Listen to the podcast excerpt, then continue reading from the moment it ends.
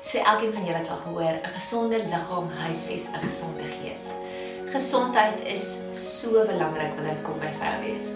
Jy is die spulpunt van jou huis. Jy is die een waarom alles draai en wat alles bymekaar hou en almal uit die aard van die saak.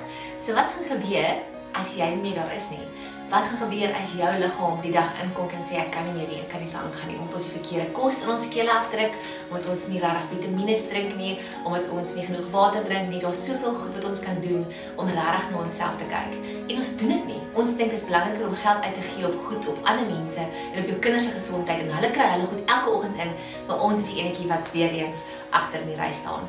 Ongelukkig wil ek jou vandag vasvat en sê dit werk nie so nie. Dit kan nie so werk nie. Jy moet jou gesondheid eers sit. Jy moet besluit ek wil 'n ma wees wat lank lewe. Ek wil 'n vrou wees wat lank lewe vir my man en die beste van onsself kan gee. En ongelukkig moet ons bietjie na onsself kyk om die beste te kan gee.